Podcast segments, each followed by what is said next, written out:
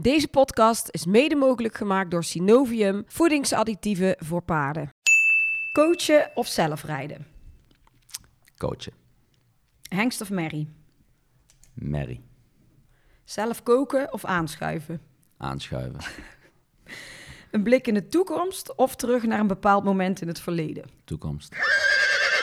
We could be heroes. Leuk dat je luistert naar Horse Heroes. De podcast waarin Floor Schoenmakers van EHS Communications in een persoonlijk gesprek gaat met een hypische ondernemer. Elke week kun je luisteren naar interviews met één of meerdere gasten. Of meeluisteren naar de belevenissen tijdens hypische evenementen in de Horse Heroes Specials. We gaan beginnen. Hij is de kerstverse bondscoach van de Nederlandse jongrijders Springen en daarnaast de assistent van de nieuwe senioren bondscoach Jos Lansink. Hij runt in het Limburgse Weert een eigen trainingstal. En daarnaast heeft hij zijn sporen als ruiter ook ruimschoots verdiend. Zo nam hij deel aan de Olympische Spelen in Hongkong en won hij Europees teamgoud in Mannheim. Hij is gretig, eigenwijs, een familiemens, gek op reizen en een levensgenieter. Vandaag ben ik de gast in ons eigen Weert bij niemand minder dan Vincent Voren. Dankjewel. Hallo. En leuk eh, dat ik eh, bezoek mag komen, heel eh, dicht bij mijn eigen huis ook nog. Hartstikke leuk dat je komt. Mooi. Ja, fijn dat je tijd kon maken, want jij zal het wel eh, heel erg druk hebben op het moment. Ja, op het moment zijn de dagen goed gevuld, ja. Ehm Vincent, als wij eh, de podcast opnemen, beginnen wij altijd eerst helemaal terug in de tijd. En ben ik benieuwd of je nou, eigenlijk het verhaal van waar jij bent opgegroeid en hoe je als kind eigenlijk in de, met paarden in aanraking bent gekomen. Kun je dat vertellen? Ja, dat kan. Eh, mijn ouders, eh, Albert en Irma Voren natuurlijk, ook wel bekend in de paardenwereld. Eh, ben, ik op, ben ik geboren in Sittard, 1984. Uiteindelijk mijn jeugdjaren opgegroeid in Knexel, waar dat, mijn ouders een, een stal huurden. Eh verder heb ik daar een beetje op pony gereden voordat ik naar school ging. Maar verder is helemaal nul interesse in gehad. Dat is lekker op voetballen gegaan, want ik zag zat van die paarden iedere dag, wat ik absoluut geen intentie had om daar iets mee te beginnen. En op latere leeftijd, eh, toen ik een jaar of veertien was en eh, we ondertussen in België woonden, toen mijn vader voor de Jewel Kortstad reed in eh, Braschaat. Toen ben ik mijn moeder een keer gaan helpen op de manege, waar we een paar boxjes huurden. Nou ja, van het een kwam het ander. En toen op de leeftijd van 14 ben ik op het paard gaan zitten. En eigenlijk daarna niet meer mee opgehouden. Dus eh, het is laat begonnen, maar eh, ja, op zich wel eh, de juiste manier. Hey, en jullie woonden toen jij jonger was in, in Knechtsel, Ja. zeg je. En had je, heb je broers of zussen? Nee, ik ben enigst Eh, moet ik zeggen, ben ik eigenlijk wel heel tevreden mee geweest. Ja.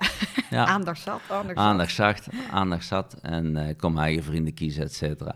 Nee, maar goed, ik heb het nooit eh, ervaren als een nadeel om eh enigskind te zijn. En jouw ouders waren allebei altijd op stal bezig.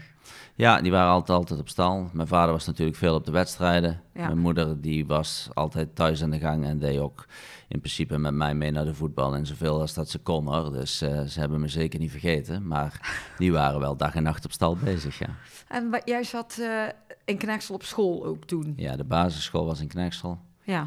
En toen eh, was mijn vader, die ging toen werken voor Jewel Kortstedt in Braschaat van Ja. de familie Cordia. Ja. Ja, en toen was je heel vaak weg en toen op een gegeven moment zag ik mijn vader heel weinig. Toen zeg ik van, op een keer op een avond, ik zeg, pap, ik zie je nooit meer. Nou ja, daar was, was jij eigenlijk best emotioneel van. En toen hebben we ook eh, besloten om eh, naar België te verhuizen. Zodat we toch wat eh, meer samen waren. Hoe En- oud was jij toen? Eh, dan zou ik een jaar of negen geweest zijn, ongeveer. En toen zijn we daarheen gegaan. En toen heeft mijn vader daar een aantal jaren gewerkt. En toen huurden mijn ouders een stalletje langs Cordia, zo gezegd. Ja. En waar we nog een paar eigen beestjes hadden. En zo ben ik rijk ingerold. En maar was het toen je jonger dat je dacht, je wilde gewoon niks met die paarden te maken hebben? Om, had hij reden of gewoon... Nee, had helemaal geen reden, maar ze trokken me, eh, trokken me helemaal niet eigenlijk. En ik vond het fantastisch om mee te gaan op die wedstrijden. Ja. Met de kinderen van eh Woutje van der Schans, hè, Patrick en eh, Piet Ruimakers junior en Michaeltje van de Vleuten. En we hadden natuurlijk de grootste lol en onder die tribunes spelen. En Oh ja, zo ben jij Ik bedoel, dat was hartstikke leuk. En een beetje vissen in een slootje. En Ja. Allemaal van die dingen. Dat, dat vond ik leuk op concours gaan. Maar al de rest, eh, ik denk niet dat we veel eh, ruiters hebben zien rijden. Of onze eigen ouders hebben zien rijden toen dat tijd. Oh ja, je was nee. helemaal niet mee bezig. En toen in België, waar zat je daar op school? Ehm, in, in Braschaat. Daar gingen wij naar de middelbare school. En eh, ja, goed, nogmaals, toen zat ik veel op voetbal. En uiteindelijk... Had je talent? Voetbal wel, ja. En ik was linksbenig. Ja. Dus dat was ook nog wel een goede positie. Want er waren er niet veel. dus ik kreeg er ook genoeg kansen om te spelen. Alleen toen eh, had ik heel veel last van groeipijn. En toen eh, moest ik eh, stoppen, eigenlijk als het ware. En toen ben ik mijn moeder gaan helpen in de manege. En dan mijn paardrijden. En in de kids van jou, heb je ook iets met voetbal? Nee, op momenten die zijn anderhalf en drieënhalf. En eh, die schoppen wel een keer tegen een Het bal. is een hele maar leuke voetbalclub namelijk hier in Weert. Ja, en, en ik ja. ben de trainer. dan zal ik ze motiveren hoor. Dan zal ik ze Ja, motiveren. ja, mag ik die daar gaan trainen? Oké, en dus, jij zat op voetballen, bent op een gegeven moment je moeder gaan helpen op stal, was je 14. En ehm, wat in die periode, want ik bedoel, wat wilde jij worden als je groot was? Heb je daar toen, weet je, kun je dan nog herinneren waar je toen mee bezig was? Nee, toen vond ik het gewoon leuk om daar rond te rijden tussen eh, collegaatjes en die meiden. Zo begon het allemaal natuurlijk. En eh, dan ga je daar iedere dag naar die manege. En dat was eigenlijk spelende wijs. Ja, Eh, toen mijn vader stopte bij eh, Cordia, toen zijn wij verhuisd naar Zomeren. Naar de Hoysterstraat. Dat was het spul van eh, Astrid van Leeuwen, waar dat nou eigenlijk Ja. Erik en Maaike van de Vleuten woonden. ja, wonen. Daar hebben wij acht jaar gewoond. En daar ben ik het eigenlijk serieuzer gaan oppakken. Na school iedere dag twee, drie paarden rijden. Mhm. En ja, ook alle stalwerkzaamheden doen. Want ik moest eerst alles kunnen voordat ik überhaupt op concours mag. ja. Oh, dus ja, daar dat- ging eigenlijk wel eh, een dik anderhalf jaar overheen. Want we deden iedere dag wel trainen. En eh, op een gegeven moment zei ik tegen mijn vader en mijn moeder... Ik zeg, god, eh, ik, zeg, ik zou graag eens een keer op concours willen. Ja, ja zegt de pap, dat, is- dat kan wel, ja. ja. Ik zeg, gaat het niet goed genoeg of zo? Want het trainen gaat toch aardig goed? En ja, jongen, het gaat eigenlijk hartstikke goed. Oh, nou. Denk, nou, Waarom mag ik dan niet? ik waarom mag ik dan nog niet? Kun je al vlechten dan? Zei, nee. Nou ja, vlechten is een onderdeel van. Dan zul je toch eerst moeten gaan vlechten. Nou, dat had ik dan wel snel genoeg binnen drie dagen geleerd. Want ja, als dat het enigste was, ik denk dan... eh, Dat heb ik zo gedaan. dan moet dat natuurlijk op zijn manier. En dat moest allemaal prachtig en geen verschil in de vlechtjes. Maar goed, als je waar een wil is, is er weg. Nou, had ik dat klaar. Nou, toen kwam het allemaal op bandageren aan. Nou, dan moest het ook allemaal weer gebandageerd worden. En het was natuurlijk oefen, eh, oefenspringen in, eh, in eh, Asten altijd. Op donderdagavond bij Manege Heiligers. Ja. En daar ging je vaak je eerste oefenwedstrijd doen. Daarom wou jij op concours natuurlijk. Ja, en dat was ook gezellig. En Pietje junior en iedereen was er. Dus uiteindelijk eh, hadden we daar natuurlijk een goede tijd. Ja. Maar nee, dat was in de winter en dat mocht nog niet. Dan moest ik strepeloos scheren. Oh ja. Ja, nou en toen, nou je kent allemaal wel in heel de riedel en raddel, alles voor elkaar. En eh, toen kwam ik daar op 10 minuten rijden met eh, mijn paard eh, vierkant in de bandages. Gevlochten, mezelf helemaal laarzen gepoetst, speld in de stropdas. Als enigste denk ik van iedereen die daar iedere avond rondreed. Maar dat moest, dat moest van mijn ouders. En toen dacht ik van, jeetje, wat, wat een omslachtig gedoe. Ja. Maar ik ben er wel heel blij omdat ze toen zo streng voor me waren. Omdat ik nou alles zelf kan. En ook overbreng naar mijn eh, personeel en klanten. En Ja, maar dat is ook eigenlijk wel mooi om te horen. Dat Ja, dat zo, ja. eh, zoveel discipline, dat je dat hebt geleerd. Maar wat ik wel nog graag even wil weten, hè, want jij was in die tijd... Hoe oud was je toen? eh, daar was ik een jaar of eh 15, 16 eigenlijk. Dus ik heb een jaar gereden voordat ik überhaupt mijn eerste B-wedstrijd mocht, Mocht rijden. mocht rijden. Ja, maar je zat in zo... Toen ben je van België weer naar Zomeren. Ben je daar naar school gegaan? Ja, ja, dat was het Varen, Varendonk College, denk ik dat dat heette, in Zomeren. En daar deed ik een eh, timmermansopleiding. Want Ja. dat vond ik leuk, om met hout te werken.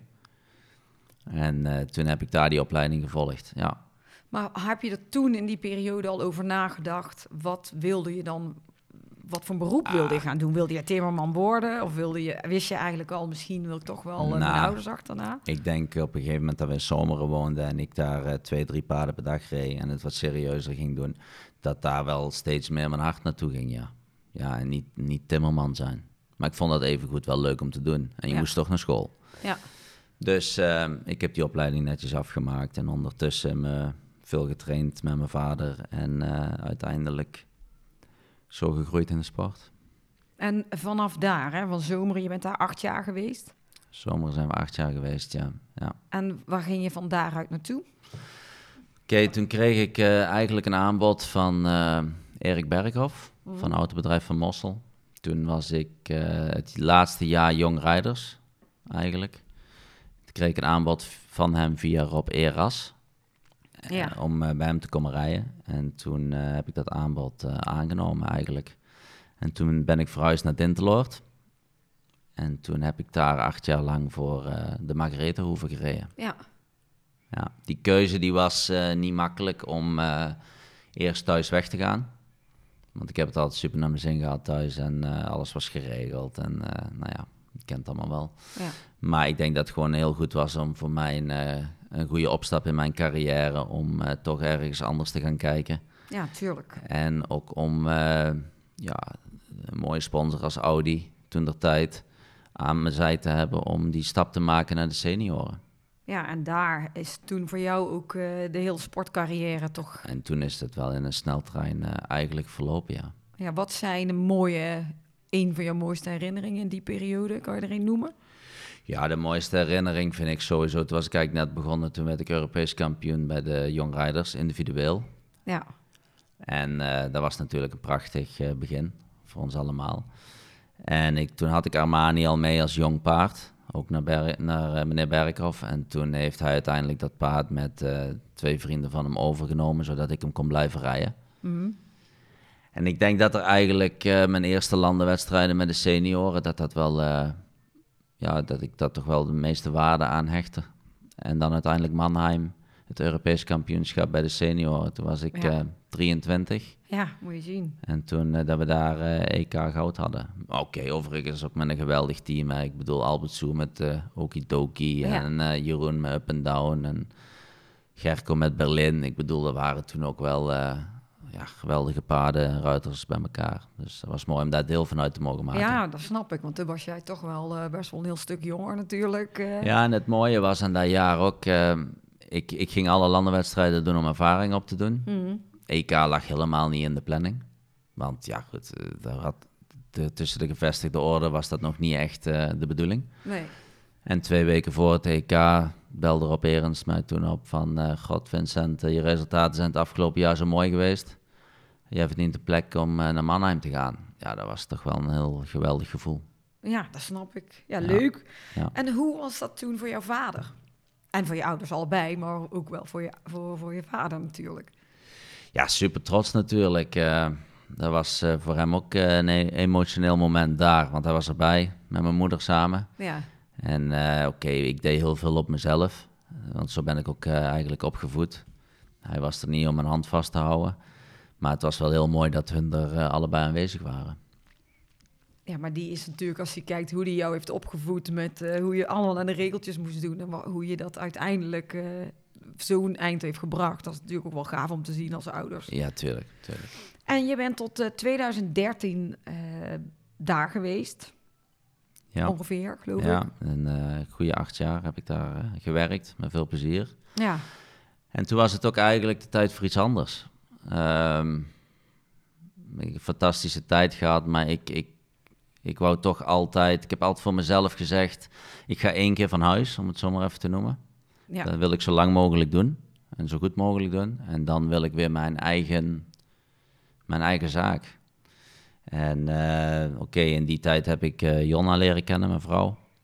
Dus het was eigenlijk ideaal. Eerst een afstandsrelatie. En we zagen... Met Jonna, ik, ik komt ook helemaal uit de paarden. Ja, maar meer hobbymatig. Die reed wel, die heb ik ook wel leren kennen. Nou ja, eigenlijk via Facebook, daar komt het eigenlijk op neer. Maar eh, op concours. En eh, ja, die ging toen mee naar de wedstrijden als, voor de gezelligheid. En die reed op, in, net zoals in Lummen, op die tours. Ja. En eh, op een gegeven moment hadden we een lange afstandsrelatie. Toen is ze daar komen werken, ook op de Margaretha-hoeve. Meer dan een jaar. Dus dan konden we ook al een klein beetje voelen of dat, dat wel klikte. Samenwerken, samenwonen. Nee, je weet het wel. En uiteindelijk eh, waren we er eigenlijk allebei wel klaar voor om, eh, om de volgende stap te zetten. En eh, onze eigen, toen nog, sportstal slash trainingstal te beginnen. En waar was dat? Dat was in Mierlo, op, op de oude stal van Erik van der Vleuten. Overigens, hij woont daar nou weer, of nou nog. Ja. Maar wij huurden toen eh, die accommodatie, ik en eh, mijn vrouw Jonna. Ja. En toen, eh, met hoeveel paarden had je toen die, die Ja, ik had toen een paard of vier, vijf, die ik meteen mee had. En ik had eigenlijk meteen twee klanten die bij me wouden trainen. Dus dat was eigenlijk wel een goede start. Ja, snap ik. En we hadden daar een boxje of eh 20, denk ik, 25 te, te huren. Meer was er niet, want het was een, was een mooi compact spel met een, met een fantastisch huis. En na zes maanden kwamen we eigenlijk eh plek tekort.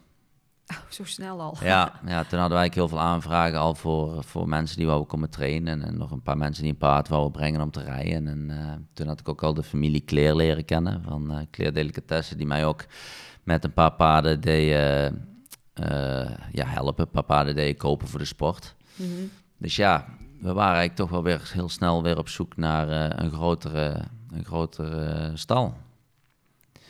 En toen was Jonna nog meer zo van, "Oh, laten we toch eens even rustig aan doen. We zijn net begonnen en eh, we weten allemaal niet hoe dat, het, eh, hoe dat, dat gaat lopen. waren toen ook nog weer, nog steeds ook wel vrij jong daar. Ja, ja. We waren... eh, ik ben op ja, 28, ja. 8, Ja. 29, ja. Dus ja, goed, toen eh zou we iets, dat iets afhouden. Maar ja, goed, ik ben daar niet zo heel goed in. En als ik iets wil en ik heb dat voor mijn ogen, dan, dan moet ik verder. Ja. En toen eh, kwam ik via via eigenlijk eh, op mond-op-mond reclame hier en weer terecht. ja. Op de Breibaan 13. En toen ben ik daar gaan kijken.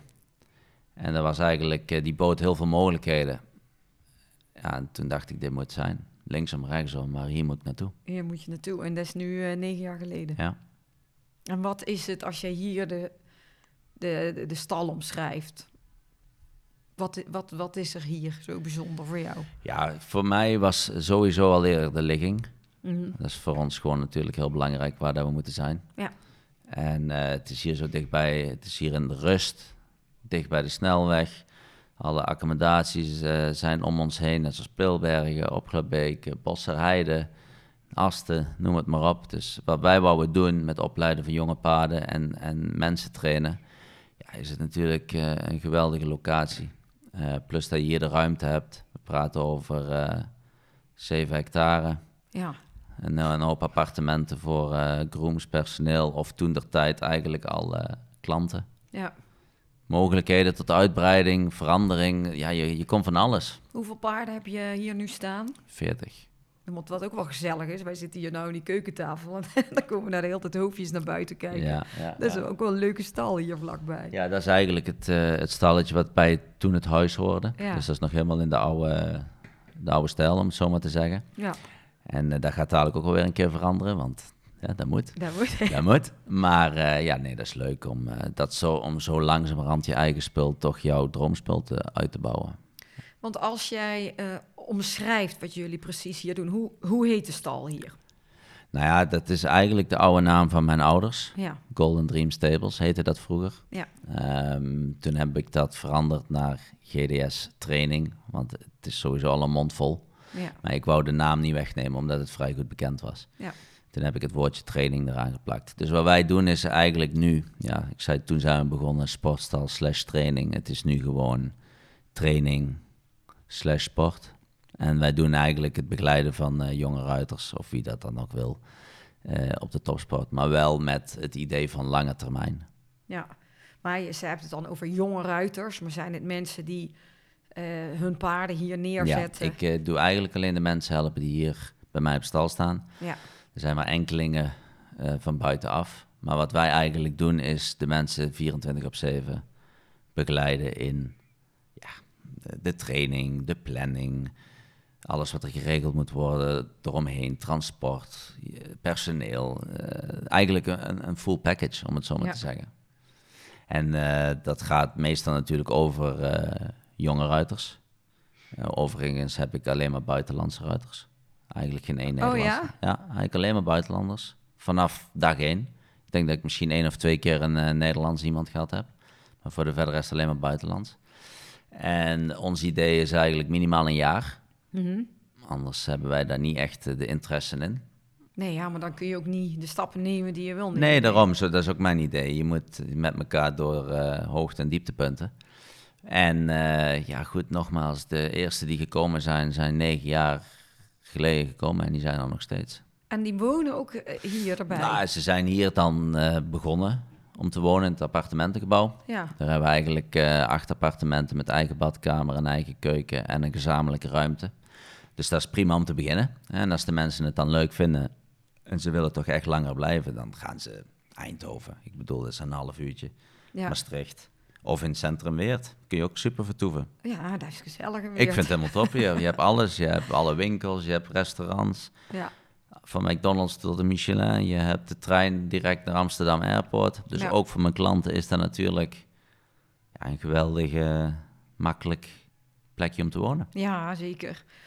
Maar je hebt natuurlijk zelf ook ehm, jouw ruiterambities. Ja. Nee, ruiterambities denk ik dat je altijd moet hebben. Ja, Want anders houdt het op, denk ik. Maar goed, nogmaals, op een gegeven moment kom je wel tot het punt van... eh, je kan niet alles half doen. En eh, nu hebben we zoveel mensen hier als klant om te trainen. Nou, Ja. daar gaat al heel veel tijd in zitten. Ik vind de topsport om te doen of een jong paard opleiden hartstikke mooi. Maar het trekt me niet meer, met alle respect, om eh, iedere week in Opglabeek of Pilbergen te rijden met een paard waar dat het maximale uitgehaald is. ja, Eh, kijk, als je dat met een goed jong paard doet, in de hoop van dat je weer een keer naar Rotterdam kan, of een keer naar Aken of hè, Amsterdam. ja. Met liefde en plezier ga je drie keer in de maand naar Pilberg en Opgebeek. Maar als dat er niet is, of je hebt niet dat paard, dan trekt mij dat niet, nee. En wat heb jij nu zelf voor paarden nog? eh, Op het moment eigenlijk niks. We hebben, ik heb afgelopen jaar twee goede jonge paarden verkocht. Eh, dat was niet echt in de planning, maar ja, dat gebeurde, dus dat is ook goed. En dat is ook nodig. Ehm, en toen kwam ik weer tot een punt van, ja, luister, eh, we hebben zoveel aanvraag, wat moet je nou? En toen heb ik gezegd van, eh, tenzij ik weer een heel goed paard vind, per toeval, ja, dan zal hij ook zeker komen. Maar verder laten we maar eens even de focus houden op het eh, maximaal begeleiden van mijn klanten. ja, en toen kwam er nog een nieuw onderdeel bij. Ja, ja. Hoe is dat gegaan? Kun je vertellen hoe zo'n... Hoe, wanneer ben je voor het eerst benaderd? Hoe gaat dat in zijn Ah, werk? Ik ben ergens benaderd eh november vorig jaar. Ehm, ja, natuurlijk fantastisch als je je daarvoor vraagt. Hè. Ik bedoel, dat is een hele eer. Ja, zeker. Ik moet ook wel heel eerlijk zeggen dat mijn eerste gedachte was... ja, dat, dat kan niet, dat ga ik nooit doen. Want dat krijg ik helemaal niet ingevuld. Dat was absoluut mijn eerste indruk. Ehm, toen ben ik daar eens rustig over na gaan denken. Een beetje Ja. laten bezinken. Wat zijn de opties? En toen hebben we toch een, eh, een gesprek gevoerd eh, met eh, Iris en Ad Ja. van de KNS. En toen hebben we eens wat, wat opties besproken. En uiteindelijk kwam wat, wat, wat hun heel graag willen is de doorstroom bevorderen. Van eh, de jongrijders naar de senioren. En toen hebben we eigenlijk ook daar een beetje het, eh, de klemtoon op gelegd. Ja, En dat het toen misschien wel het interessantste is om alleen de jongrijders te doen. Slash de tweede league eh, voor Jos. ja, En dat, dat punt was wel weer te combineren, omdat mijn klanten natuurlijk hier thuis ook die bepaalde wedstrijden doen. Ja, omdat jij daar natuurlijk ook al heel veel in zit. Ja, precies. En, en misschien dingen dan af en toe ook, wat jij net zegt, twee heel goede jonge paarden verkocht. Ja, Dus dat was ook niet nu iets, denk ik, waar je dan mee op concours was. Dus Nee. dan paste het ook net goed. past helemaal in het, paste dat weer helemaal in het plaatje. Ja. Ja, leuk wel. Nee, heel leuk. Spannend ook, moet ik zeggen. Want Ja, ik denk, ik denk het moment dat het allemaal loopt, dat het goed is. Maar het is nou even... Je moet de mensen leren kennen. Je weet niet precies op wat nou voor niveau dat iedereen zit. Buiten een beetje de gevestigde orde. Maar ik vind, je moet ook breder kijken als dat. Ja. En dat is nou wel even... Want, want wat houdt het in? Ik bedoel, ze benaderen jou in november. Ik bedoel, Luc, eh Luc Steeks was je voorganger. Ja. Ehm, heb jij Luc bijvoorbeeld ook gesproken van... eh, Nee, Wat, ik heb Luc niet gesproken. Ik heb hem door de jaren heen wel eens gesproken natuurlijk. En eh, ik denk uit ervaring dat eh bondscoach zijn... eh, heb ik vaak zat gezien van de zijlijn dat dat geen makkelijke, geen makkelijke job is. nee, En nogmaals, we weten allemaal dat het maar voor een paar mensen goed doet per jaar. tenminste, zelf ga je ervan uit dat het goed doet voor iedereen. Maar zo zien mensen het, laat ik het zo zeggen. En ik vind het wel een uitdaging om daar toch uiteindelijk het doel te halen wat dat wij nou voor ogen hebben met de KNS en met Jos. En met een aantal jongrijders om die sneller naar de senioren kunnen door te laten stromen. Ja, En dan weer de nieuwe aanwas van de junioren naar de jongrijders. Wanneer dat, dat weer, eh, wanneer die er klaar voor zijn. ja, en er was natuurlijk ook nog best een beetje een gevoelig eh, onderwerp in dit hele verhaal met ehm, onze andere weertenaar Rob. Ja, ja.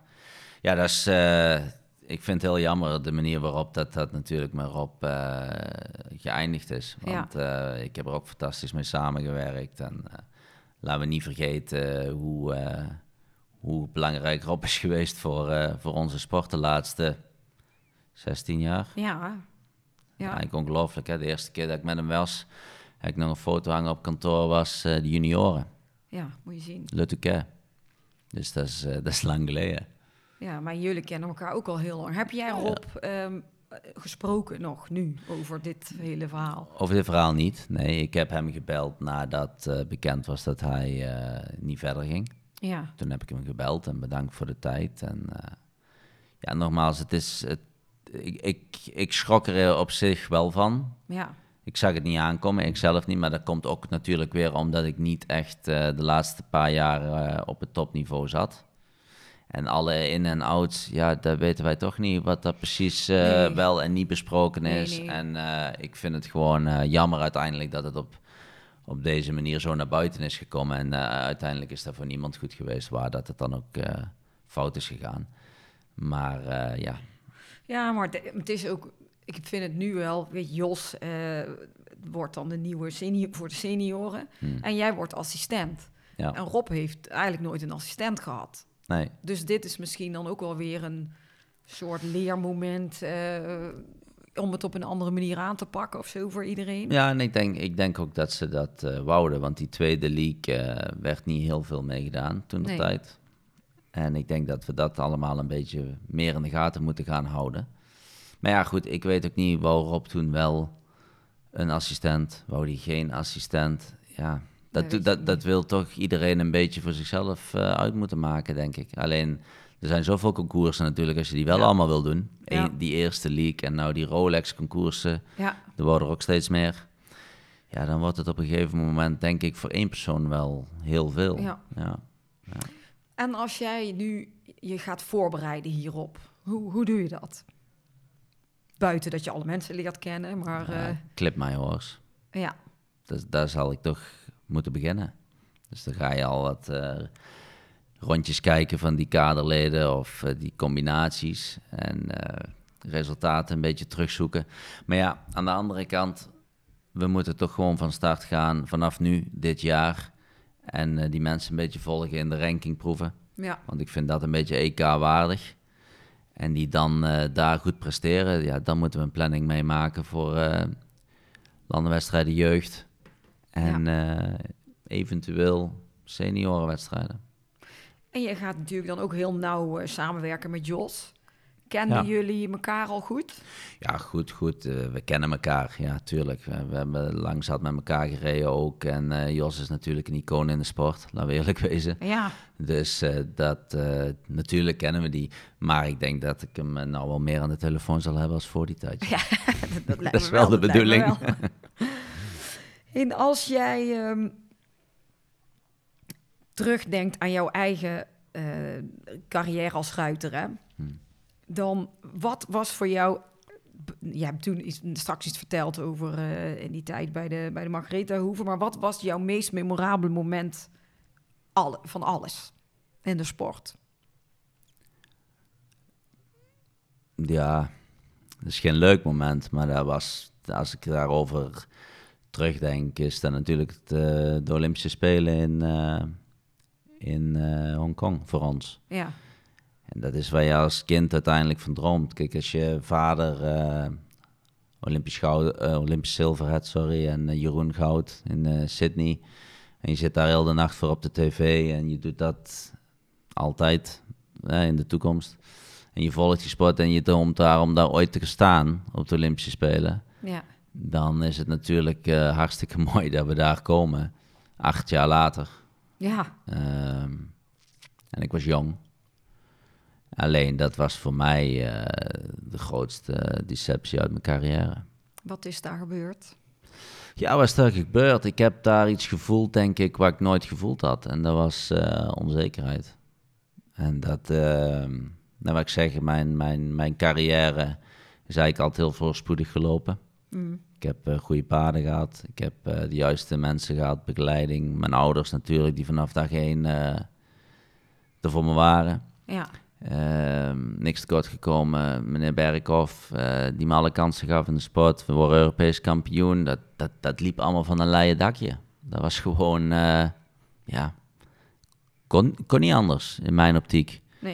En eh, toen kreeg mijn eh, paard eh, na het EK op Mannheim een week later een koliekoperatie. Oh, Ja, ja. En ehm, ja, goed, toen eh herstel niet daar goed van. En toen had ik ook een planning gemaakt met Rob Erens. Hij zegt van, luister Vincent, zorg dat je hem op tijd in orde hebt. Want de Olympiade komen eraan en neem je tijd, neem je tijd. En dat was natuurlijk op zich heel fijn, hè. Dat, dat, dat, dat je die kans kreeg om gewoon je paard rustig op te bouwen. En ehm, uiteindelijk ehm, geen druk voelde om je te moeten laten zien. Laat Ja. ik het zo zeggen. ja. En toen de tijd dacht ik, ja, top. Hè? We doen een paar concoursjes, links, rechts. eh. Nou, toen gingen we naar Sangalle. Toen was overigens Jos en ik de enigste dubbelnuller in de landenwedstrijd. Dat weet ik nog toen. Ja, dus hij voor België en ik voor Nederland. Dus eh, dat was goed. Maar ik voelde nog steeds dat ik niet het paard had van het jaar ervoor. Eh, en dan ga je hem meer beschermen, niet te veel doen. En op een gegeven moment word je geselecteerd voor eh Hongkong. Nou, super. En eh, je traint en je doet. En eh, je gaat eigenlijk van huis. Ja, dat ik een medaille ging halen, dat wist ik wel. Alleen niet welke kleur.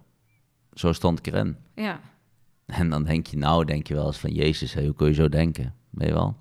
Maar toen ging ik daar naartoe met een goed gevoel. En mijn paard was, naar mijn gevoel, goed. Warming-up was goed. De eerste ronde was goed. Was nul, foutloos, fantastisch. Ik denk, nou, kat in bakkie. ja. Ja, ik moet zeggen, toen eh landenwedstrijd, toen eh, bleek het wel dat het helemaal niet kat in bakkie was. Ik kreeg eh, al op hindernis eh vier een fout. En dan is vijf een fout. En als ik heel eerlijk ben, is vanaf dat moment alles eh, blackout geweest. Ja, Ik kan me ook tot op de dag van vandaag niet herinneren hoe dat parcours was. jezus. Terwijl dat ik bijvoorbeeld mijn eerste EK-wedstrijd van de jeugd nog wel het parcours kan tekenen. Ja, precies. Maar, maar wie, Ja. wat gebeurde er, weet je niet. Hij sprong goed, maar hij voelde toch niet zo fit en sterk. En met die hitte daar en toch niet genoeg de rondjes die we hadden gereden. Hè. Het jaar daarvoor had je nergens geen verwachtingen van. Ging je van concours naar concours, je deed je ding, je had resultaat, je gaat naar een kampioenschap. Nu was het allemaal een beetje voorzichtig gepland, niet te veel fris houden. Ja, en toch niet het ritme achteraf wat je had moeten hebben en het paard voor elkaar zoals je het had moeten hebben. En ja, nogmaals, eh, die fouten die ik toen kreeg, kon ik niet begrijpen. Nee. En ik kon dat de tweede dag van de landenwedstrijd ook niet herstellen. Dus was dat voor mij wel eh, een, eh, een deceptie. Ja, snap ik. Op zo'n eh, belangrijk moment. Dat dat... Ja, het is gewoon het belangrijkste moment. Het is het belangrijkste concours uit je carrière toen dat tijd. ja. En je gaat erheen als Europees kampioen. En ja, En je gaat voor je gevoel... je gaat gewoon met brandhout naar huis. ja, En, zo voelde jij dat. Ja, en heel de wereld keek ernaar, wat heel normaal is. En er zijn ook wel mensen die het snappen, maar ik snap het zelf niet. Heeft dat ehm, een tik gegeven Ja. op de rest van je carrière? Dat heeft wel een tik gegeven toen. Ja.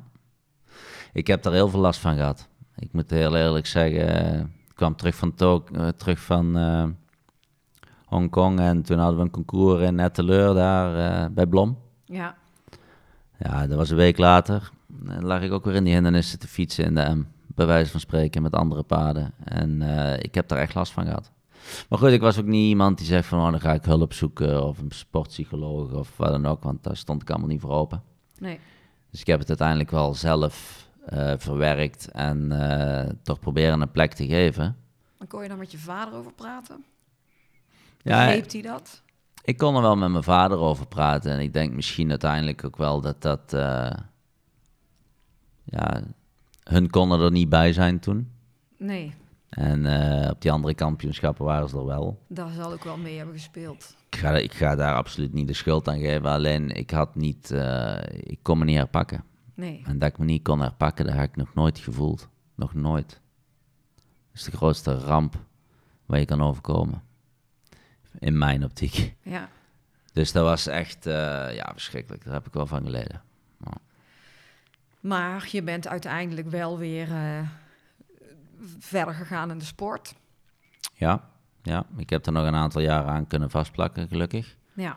En ook eh, volle support van eh, Erik en eh, Anton Nisman en die eigenaren toen. Dus dat is fijn, hè? Dat is Ja. fijn, maar dat is toch iets dat wel aan je geknaagd hebt. En je rijdt toch op een gegeven moment dan niet meer hetzelfde de ring in Als als, als voor die tijd. Ja. Omdat je op een gegeven moment gaat nadenken. Ja. En voor die tijd dacht ik nooit na. Nee. Ja, ik dacht na wat ik moest doen. Nee, maar ja, niet, maar ik maar snap- niet, dit- niet, dit- denken, niet denken van, oeh, wat kan er verkeerd gaan? Nee, maar dit, heb ik, dit hoor je wel bij meer ruiters, inderdaad. Ja. Als dat denken in één keer komt, dat dat toch... eh. Maar ja, je, nu zit je weer in een hele andere fase van je leven. Je, gaat, eh, je bent bondscoach. Hm. Wat betekent dat voor jouw eh springcarrière, voor jouw eigen springcarrière? Het bondscoach zijn? Ja, Ja, laag.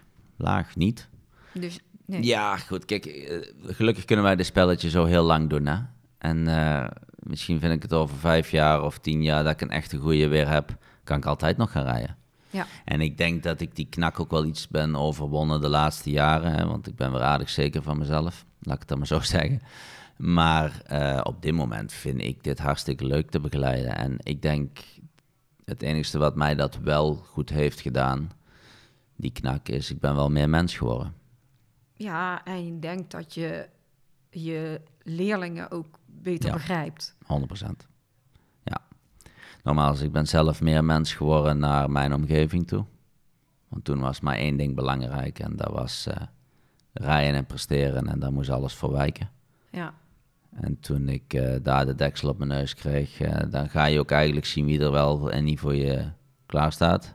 ja, En hoe dat je daarmee omgaat. Hè? En hoe mensen ook met jou omgaan.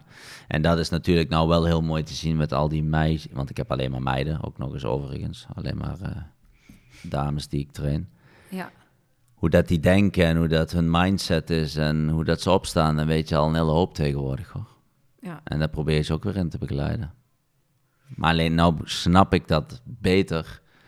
Als, eh, omdat ik het zelf meegemaakt heb. eh, dat het helemaal misging. Ja, snap ik. Nou, heftig verhaal wel.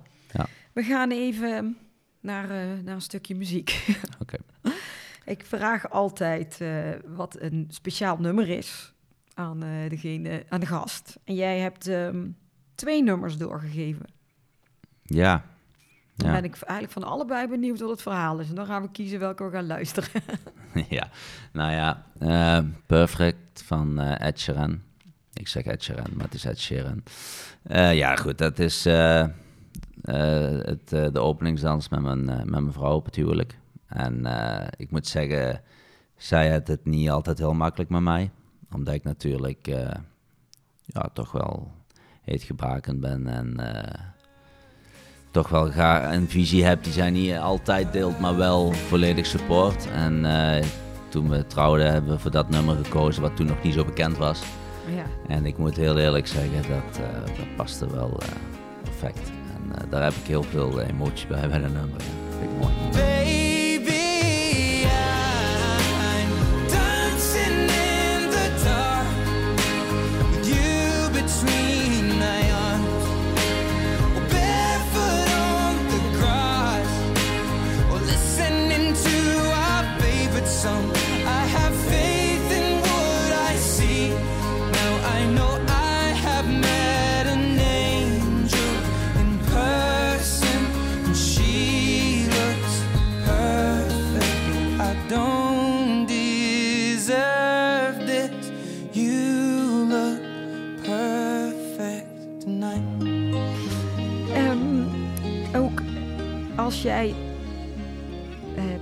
Terugdenkt hè, in, eh, in, in wat jij allemaal hebt gedaan, wat je allemaal mee hebt gemaakt. Ehm, wat was voor jou de grootste les die jij hebt geleerd van, van je paarden, van je eigen paarden? Van mijn eigen paarden. Eh, ja, goed. Op een gegeven moment, als je toch eh, daarmee aan de gang bent met die paarden en ze bieden niet aan wat je eigenlijk van ze verlangt, hè, want dat gebeurt gewoon heel vaak, dat je daar toch sneller naar moet luisteren. Wat was jouw eh, meest speciale paard? Primus. Ja. Wat kun je erover vertellen? Ja, dat was eh, mooi. Die, eh, die had vroeger als ehm, vijfjarige zwaar ongeluk gehad in Lanaken. Ja. En die, eh, die werd gespiest eh, door een standaard. Dus die kreeg een op voortrein. Dus die kreeg eh, een staander in de borst. En die kwam er achter zijn voorbeen weer uit. Dat was, niet, dat was niet met mij hoor. Dat was niet met mij. Maar goed, dat had de paard meegemaakt. En die mensen, uh, Ad Strating, was toen eh Gestion. De, Ja. de grote sponsor van Ankie van Grunsven. ja, ja, ja. En die was eigenaar. Samen met Harriet, zijn vrouw toen. En eh, ja, dat was als een, als een kind voor hen. Dus die hebben er alles aan gedaan om hem eh, te laten revalideren. Heb je dat gezien? Nee, nee ik, eh, ik was daar niet. Ik was daar niet, maar dat maakt het verhaal wel mooier. Ehm, ik was er niet bij. En uiteindelijk, dat paard zou nooit meer kunnen lopen. Uiteindelijk hebben hun er toch veel operaties aan gewaagd en gedaan. En ehm, toen eh, hebben ze hem thuis in zo'n rails gehangen, dat hij weer leerde staan en weer kon rondlopen. En uiteindelijk zou hij dan alleen maar in de wei kunnen. Nou, hebben ze hem in de wei gedaan. Prima. Een jaar later hebben ze een keer mijn vader gebeld, omdat hij toch wel een beetje apart karakter had en alles. En eh, of dat mijn vader hem niet wou eh, proberen, want hij deed toch weer kruisjes springen en hij kon alles dressuurmatig. En toen eh, zijn we die gaan proberen, stond hij in Duitsland in een africhtingsstal. Nou, heb ik hem gereden toen. Ja, 80 centimeter hoog, maar dat gevoel dat was zo goed. En ik was toen 16, 16, 17 ongeveer, als ik me goed herinner. Ja. Nou, toen moesten we naar Amsterdam. Moesten we gaan eh, praten met eh, meneer Strating. En eh, nou, mijn vader die was in gesprek met hem. En toen zei meneer Strating, hij zegt, hoe wil je dat hebben Albert? Hoe, zijn de, hoe kunnen we samenwerken? Nou, zegt mijn vader, we doen het zo. Mijn vader is heel zwart-wit. Dit zijn de kosten, dit betaalt u. U bent eigenaar. Kunt hem ophalen wanneer u wil. Iedereen vrij man. Nou, zei meneer Strating, dat doe ik niet. Ik ben een zakenman. We doen het. Half krijg je het paard en dan is het voor jullie, is hij van jullie. Nee, zei mijn vader, doe ik niet. Het is zo of niet. Toen keek meneer Strating mij aan. Hij zegt, eh, wat een rare man is die vader van jou, joh. ja, dat was wel mooi. Maar ja, ik was toen nog zo van... Ja, ik ja, zeg niks. Ik zeg niks. En, eh, nou ja, goed. Uiteindelijk overeenstemming gekomen. Paard bij mij gekomen. Bij mijn vader. Ik hem gaan rijden. Ik zou dan de opleiding doen, twee jaar. En dan zou hij naar mijn vader gaan. En gelukkig eh, hadden wij die klik heel goed. En eh, toen zei meneer Strating, eh, nou wil ik dat hij bij jou blijft. Dus Ja. dan mocht ik hem blijven rijden. En toen heb ik er uiteindelijk ehm, drie EK's mee gereden bij de Young Riders. Drie keer medaille en ook Europees goud. Ja. En uiteindelijk kwam eh, meneer Strating eh, eh, op sterven. En toen belde hij op. Hij zegt, eh, wat wil je met Primus? Ja, ik zeg, paard. Ik zeg, eh, dat is aan u. Hij zegt, eh, als je hem wil hebben, is hij voor jou, want eigenlijk is hij voor jou. Vond ik mooi. ja, dat snap ik. Vond ik echt mooi. Dus eh, toen is dat paard bij mij geweest vanaf dat hij zeven was. En hij is hier in, hier in de wei gestorven eh, toen hij 24 was. Dus hij is heel zijn leven eigenlijk bij jou geweest. Ja, mooi. En er hangt hier een eh, mega portret van hem in Ja. huis. Daar zit jij de hele tijd naar te kijken als je dit vertelt. Jeetje, mooi verhaal Vincent. Dankjewel dat je dat Ja, dat is mooi. wilde vertellen. Oké, we gaan even een ander onderwerp doen. Mm. Ehm,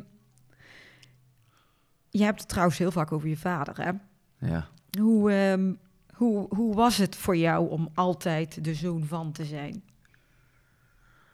Eh, de zoon van zijn was niet moeilijk. Eh, buiten dat eh, toen je jong was, heel veel mensen, heel veel mensen je volgden, snap je? Ja, Je ging naar je eerste B-wedstrijd, oh de zoon van, de zoon van, de eerste L-wedstrijd. Je voelde altijd wel dat mensen meeliepen en keken. Ik, ik, ik kon daar wel goed mee omgaan. Ehm, eh, maar hij is altijd eh, iemand geweest, eh, zwart-wit, altijd gezegd wat dat hij dacht. En op latere leeftijd werd je daar wel heel veel mee ehm, vergeleken. ja, En ja, dat kan in positieve zin zijn, dat kan in negatieve zin zijn. Maar ehm, ik heb hem altijd gesteund in eh, zoals hij denkt en wat dat hij vindt op de sport of wat dan ook. Ik zal hem er nooit in afvallen. Maar ehm, ik had wel duidelijk een eigen visie op eh, de toekomst toen eh, Jonna en ik onze eigen stal begonnen. ja, En ik wou niet meer echt de zoon zijn van. En mijn eigen identiteit ook. Hè. Ik denk dat dat daar dat dat ook wel mee te maken heeft. Maar dat heeft wel eh, grote problemen eh, veroorzaakt in onze relatie. Met mijn ouders.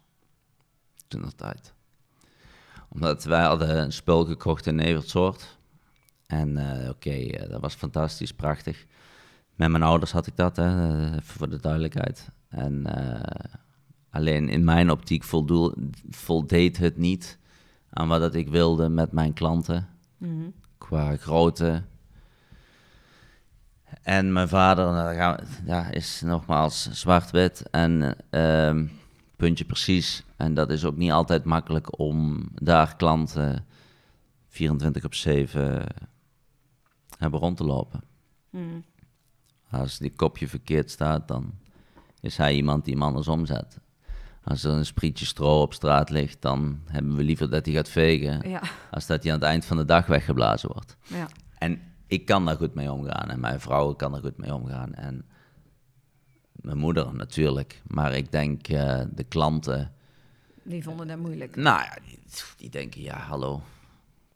Ik Is dat het grootste verschil ook tussen, ja, ik, tussen jou en je Ik vader? zeg, ik zeg niet dat ik binnenin niet vaak denk, ik, ik vloek hier ook wel eens als het niet schoon is of zo, maar ik leg daar minder eh, zout op. Ja, Voor hem is dat zo'n doorn in het oog en dan noem ik maar kleine dingen. Hè.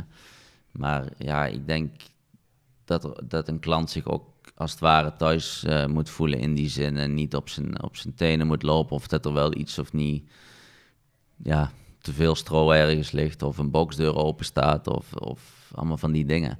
ja, En doordat ik toen die keus gemaakt had om met eh, Jonna hier te beginnen, hebben, is die relatie wel naar de kloten gegaan, om het zo maar te zeggen. Nu nog steeds. Nee, sinds dat wij eh, Nicola hebben, onze eerste zoon, Ja, ehm, is dat goed gekomen.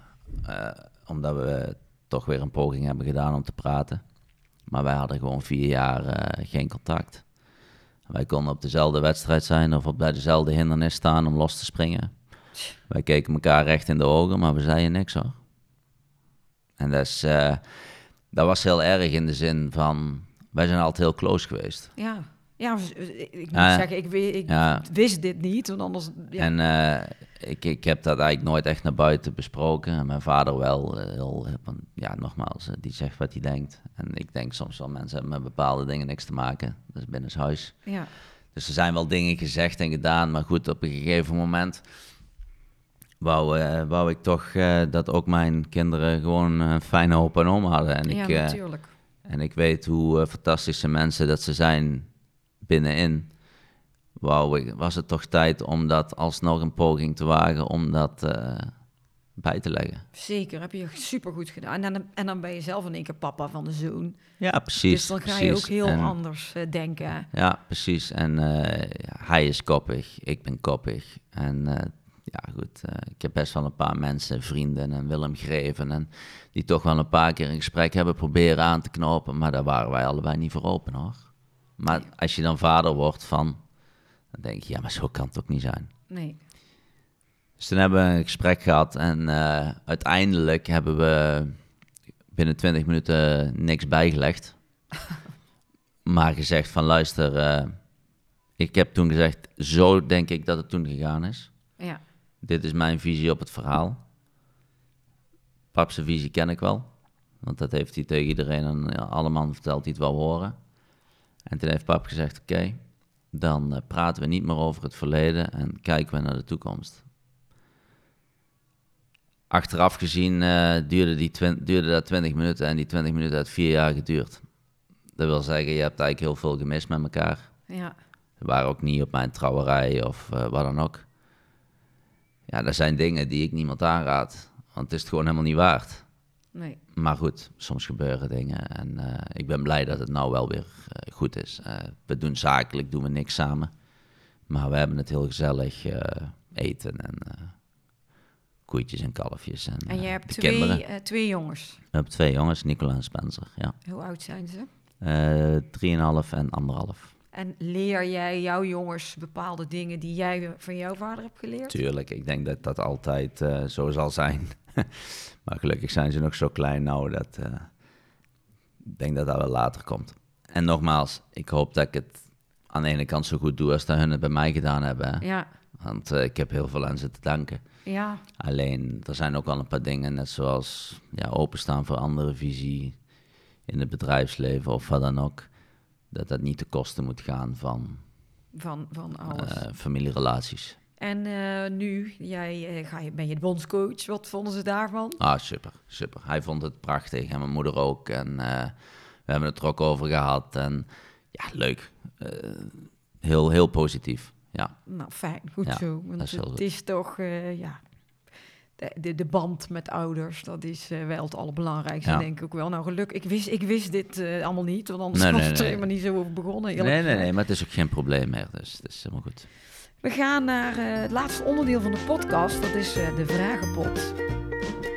En die staat hier. Ja, En dan mag jij eh grabbelen en de vraag eruit halen en beantwoorden. En ik weet niet eh, wat je krijgt. je hebt ze niet zelf gemaakt. ja, Ja. Hoe lang ben je ooit achter elkaar wakker geweest? dat is heel belangrijke informatie. Ja, nee, maar die weet ik nog wel. Eh, ik werkte toen eh, op de Margarethahoeve. En wij hadden een concoursen in, eh, in Italië. In eh, Napoli. En toen, moest, eh, toen reden we daar met de vrachtwagen en toen ging de dynamo kapot. Oh, Ja, en dat was ik en Dominique Hendricks, die werkte toen ook. Dus toen Ja. hadden we alle paden in Napoli op de straat op een andere vrachtwagen gezet van Dominique. Die ging met de paden weg en ik bleef alleen achter met die vrachtwagen. Nou, dan vind ik Napoli niet echt de stad waar dat je achteraf zo lekker gaat zitten wachten totdat er en iemand... met een paarden op de wagen. ja, ik had Oh. geen paarden meer, want Oh. die had ik weg. Maar ik stond met de vrachtwagen, want ik moest wachten op de, ja, hoe noem je dat, deponeur. eh, Ja, ja, ja. die je komt halen. Dan vind je in Napoli nog niet zo heel erg veilig met al dat volk. nou, toen moesten we naar de garage, toen moest je daar gemaakt worden. En toen kon ik heel de rit van Napoli alleen naar huis rijden. Dat kon toen nog allemaal, want we hadden geen eh, chauffeurskaart en geen tachografen. En dat ging toen allemaal nog wel. Oh, ja. Maar dat was een lange rit. Hoeveel uur? Ja, dat was... eh, alles bij elkaar was ik toch wel eh 48 uur niet geslapen, denk ik. Mina. Ongeveer, zoiets. dat was... eh, heb ik wel bijgeslapen hoor. daarna. maar dat was, ik stond helemaal zo. Ik moet naar huis, ik moet naar huis. Ja, snap ik. Oh. Oké, nog één.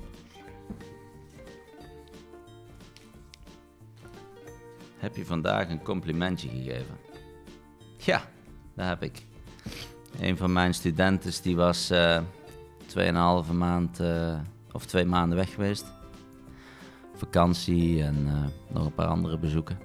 En die was vandaag weer voor het eerst aan het springen thuis. Ja. En ik moet zeggen, normaal gezien, als ze, ze is er al een aantal jaren. Normaal gezien, als ze de eerste keer weer springt, moet ze altijd wel weer een beetje wennen. Maar het liep vandaag van een leien dakje, dus eh, Jij zei goed gedaan. ik zeg, je kan weer twee maanden weg, want het gaat hartstikke goed. Goed, dus een compliment gegeven. Ja, doe er nog één.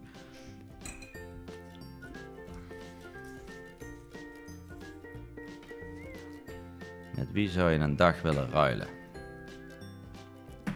Max Verstappen. Oh ja, dat snap ik. En dan zeker toen hij wereldkampioen werd. Of als hij op Ja. vakantie is. Ja, ik denk dat allebei mij wel zou bevallen eigenlijk. ja. Nee, ik zou het wel mooi vinden om dat eh, zo, eh, zoiets ook weer mee te maken. Ik, eh, Jezus, heb je die, had je de, de finale Ja. natuurlijk gezien? ja, ik zat hier met mijn deel van mijn schoonfamilie. Niet normaal was het. Ja, en die zijn allemaal een beetje Hamilton-achtig. Dus dat vond ik ook wel mooi. Ja. En het was echt een race. Ja, dat was eigenlijk niet te bevatten. Hè? Nee, dus, dat eh, was echt niet te bevatten. Wij stonden hier te springen in de woonkamer. En ik moet zeggen, ja, nee, dat was, eh, dat was prachtig natuurlijk. Dat Heb je, hem, heb je hem ooit ontmoet? Nee, nee, maar hij komt hier niet ver vandaan, hè? Nee, hij woont hier echt heel veel. er is zit hier een of ander restaurantje vlakbij waar, die, waar wij ook wel eens heen gaan, waar hij ook wel eens komt. Die zit echt heel, heel vlakbij. Ja, ja, nee. Eh, collega's van mij wel, want die gaan ook vaak naar die race in eh, Ja. Abu Dhabi. Maar eh, nee, ik niet. Ja, dat vind ik wel een goeie als je daarmee gaat ruilen. Ja, want dat daar- ruilen. dat begrijp ik. Ja. hey, ehm, ik ben nog één dingetje wat ik zat te bedenken, waar we het nog niet over hebben gehad, maar waar ik wel even benieuwd ben eh, hoe, hoe dat ging. Toen eh jij op de Sunshine Tour was, vorig jaar. Mhm. Natuurlijk heel corona, al gedoe. Jullie zijn wel eh, naar Spanje gegaan. Mhm. Toen kwam die Rhino-uitbraak. Ja, Daar is bij jullie toen ook iets gebeurd, toch? ja. Ja, wij waren daar en wij kregen, wij kregen één paard met, eh, met koorts. Ja, Dus dan word je geacht dat eh, te melden. Hebben we gedaan. ja. Gingen meteen in de quarantaine. Uiteindelijk kwam het er niet echt uit dat hij het had. Tenminste, volgens die testen. Maar dat allemaal niet helemaal goed in de haak zat, dat was, dat was wel duidelijk. En eh, uiteindelijk eh, zagen wij toch een paard daar in die quarantaine die echt niet eh, goed liep, om het zo maar te zeggen. Hm. Ehm, daar werd nog steeds gezegd, of wordt nog steeds gezegd, dat die test daar niet positief op was. Maar goed, we hadden er geen goed gevoel bij. Nee, dus wij zijn uiteindelijk toch verhuis, snel naar huis gegaan. Maar ja, om in één keer 30 paarden thuis te krijgen, 30, 35 paarden, dat was toch een heel stressvolle organisatie om toen binnen een halve dag te vertrekken. En toen ben ik hier thuis gekomen en toen heb ik eh, mijn binnenbak volgezet met eh, allemaal losse boxen. Want ja, mocht het wel zo zijn dat we er één of twee kregen, moet je die apart kunnen zetten. Jezus, je hebt dat meteen, al die maatregelen genomen hier. Ja, ik moest Oh, wel. goed. Want ja, ga maar ergens hier eh, met eh 35, 40 paarden die hier staan. Nee, Waar ja. moet je naartoe? Ja, En ze staan allemaal langs elkaar. Wat normaal helemaal natuurlijk geen probleem is. Want dat is op iedere stal. ja. Maar ja, als je er wel één hebt, dan zul je hem toch apart moeten zetten. Ja. Dus dan heb ik in de binnenbak eh concoursboxen op laten stellen. En uiteindelijk heb ik eh, twee gevallen gehad, maar die er goed uitgekomen zijn. Die uiteindelijk ook weer gewoon negatief testen. En zijn we eh, ja, gewoon heel veel geluk gehad eh, met dat allemaal te ontspringen. Ja dat is, maar, en, maar het was daar toch allemaal zo heel eh, een ellende, of heb je daar niet echt mee gekregen? Ja, ja, ik heb het heel goed meegekregen. Ik was ook eigenlijk degene die het eh, misschien wel bekend had gemaakt toen. Oh, En toen was het, eh, toen ik eigenlijk zei van dat ik wegging, ja, toen ging er op een gegeven moment een, eh, een hele hoop mensen weg. Het leek wel of dat er een bomontplof was. ja. mensen rennen, allemaal, vrachtwagens die vlogen van de parkeerplaats. Het was, het was gewoon paniek in de tent. Het was gewoon paniek in de tent, want iedereen wou toch weg. En daar was meer om het feit niet dat daar, de, de, de, dat daar niet goed was. Eh, ik zeg niet dat reizen eh, goed is voor die paarden als, als ze iets onder de leden hebben. Maar het was wel zo. Er zijn 2000 paarden. Ja, En er was eh, eigenlijk nog niet eens voor één paard de juiste middelen daar. Als, er, als het wel mis zou gaan. Laat staan voor eh 2000. En als je dat dan allemaal zag in Valencia, dan was mijn mening in één ruk naar huis. ja. Dat is ook niet ideaal. Maar dan heb je in ieder geval hier wel de goede klinieken om je heen. En je paarden thuis in veiligheid. Als dat je op zo'n accommodatie staat met 2000 paarden en je bent een nummertje van wanneer het uitkomt dat er iemand kan komen. En dan heb je het over natuurlijk wanneer ze extreem ziek zijn. Hè? Niet alleen een beetje koorts. Maar ja, je moet het ook niet zo ver laten komen. En eh, naar mijn klanten toe vond ik dat de juiste overweging om zo snel mogelijk weg te gaan. Ja, dat snap ik.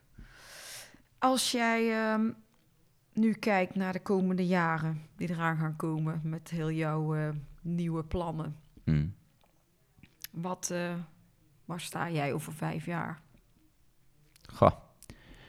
Ik hoop dat we toch wel vaak op het scha- schavot hebben gestaan in die vijf jaar al. Ja, Ja.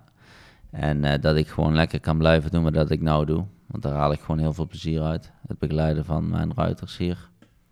En als we die eh, samenwerking mooi erin kunnen vinden, die balans. dan denk ik dat ik een hele mooie toekomst tegemoet heb. En ja, dan ga je weer, komt er ooit weer een paard, zo tussen neus en lippen door, die goed genoeg is voor de topsport. Ja, dan zal dat toch gaan kriebelen en zal je toch wel weer die topsport gaan doen. Maar daar ben je zo afhankelijk van zoveel dingen eromheen ook, hè. Of je bent gewoon, eh, daar ook 16 jaar coach. Zit er iets in dat weert door water hier, dat, je, dat Ja. er hele talentvolle bondscoaches worden opgeleid. Ja, kan ook nog. kan ook nog. Maar ja, ik hoop gewoon dat eh, met het, eh, de dingen die we nou voor ogen hebben, een beetje het plan, dat we daar ook de vruchten van gaan plukken. Want uiteindelijk doe je het daarvoor. Ja. Je hoopt dat daar ook echt iets uitkomt. Ja, dat snap ik. Anders heeft het geen zin. Nou, hey, Vincent, ik, eh, ik kan nog een half uur doorpraten. maar we blijven meestal eh, op het uur ongeveer in het interview. En eh, ik wil jou heel hartelijk bedanken dat je me- ja, tijd hebt gemaakt om, om dit interview te doen. En ehm, ik heb ook nog iets voor je. Want ehm, deze podcast is mede mogelijk gemaakt door Synovium. Dat zijn voedingsadditieven voor paarden. Oké. En daar mocht ik jou een aantal eh, samples van geven. Dus eh, die overhandig ik je bij deze. Dankjewel. En wat ik... Ja, dan moet je zelf even lezen wat het allemaal is. Ja, dat ga ik doen. Arnica, dat Ah, kennen, dat kennen we we, wel. dat kennen we, ja. Super. En ehm, als mensen jou willen volgen of meer willen weten over ehm, jouw bedrijf, wat jij doet, jouw carrière, wat er allemaal gaat gebeuren, waar kunnen ze jou volgen? Ja, op onze website, GDS Training. Ja. En we hebben dan ook een eh, Instagram-account natuurlijk. En eh, dat, dat is gewoon jouw naam, hè? Onder Eh, jouw naam? Nee, of ook GDS Training.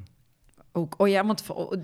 Ja, jij- maar ik geloof, mijn, mijn account staat denk ik eh, twee of drie fotootjes op van Van de kids. 15 jaar geleden, wat ik ooit eens een keer zelf heb kunnen doen. Want ik, eh, nee, dat is mijn vrouw die dat doet. Oké, dus GDS training, daar gaan ze volgen. ja, Wat, eh, GDS training kun je alles volgen wat hier op stal gebeurt. ja, superleuk. Nou, nogmaals, eh, hartstikke bedankt. Jullie bedankt. En eh, ook leuk om weer een Nederlandse podcast te doen, want ik heb er hiervoor vijf Engelse gedaan. En nou ja, jij bent weer even de aftrap eh, van, Nou, van de Nederlandse. Volgende week eh, hebben we Jeroen Dubbeldam en dan Jos ook nog. Dus ik ben benieuwd hoe eh, die drie, of die twee verhalen ook nog gaan zijn. Heb jij nog een leuke afsluiter voor de luisteraars? Leuke afsluiting. Kom je nou mee? nee, ik zou zeggen, blijf die podcast volgen. Hartstikke leuke informatie. en En doe je best op school. ja, ja, Oké, ja, stay safe. Hè? Yes, hey, dankjewel en eh, tot volgende week. We could be heroes.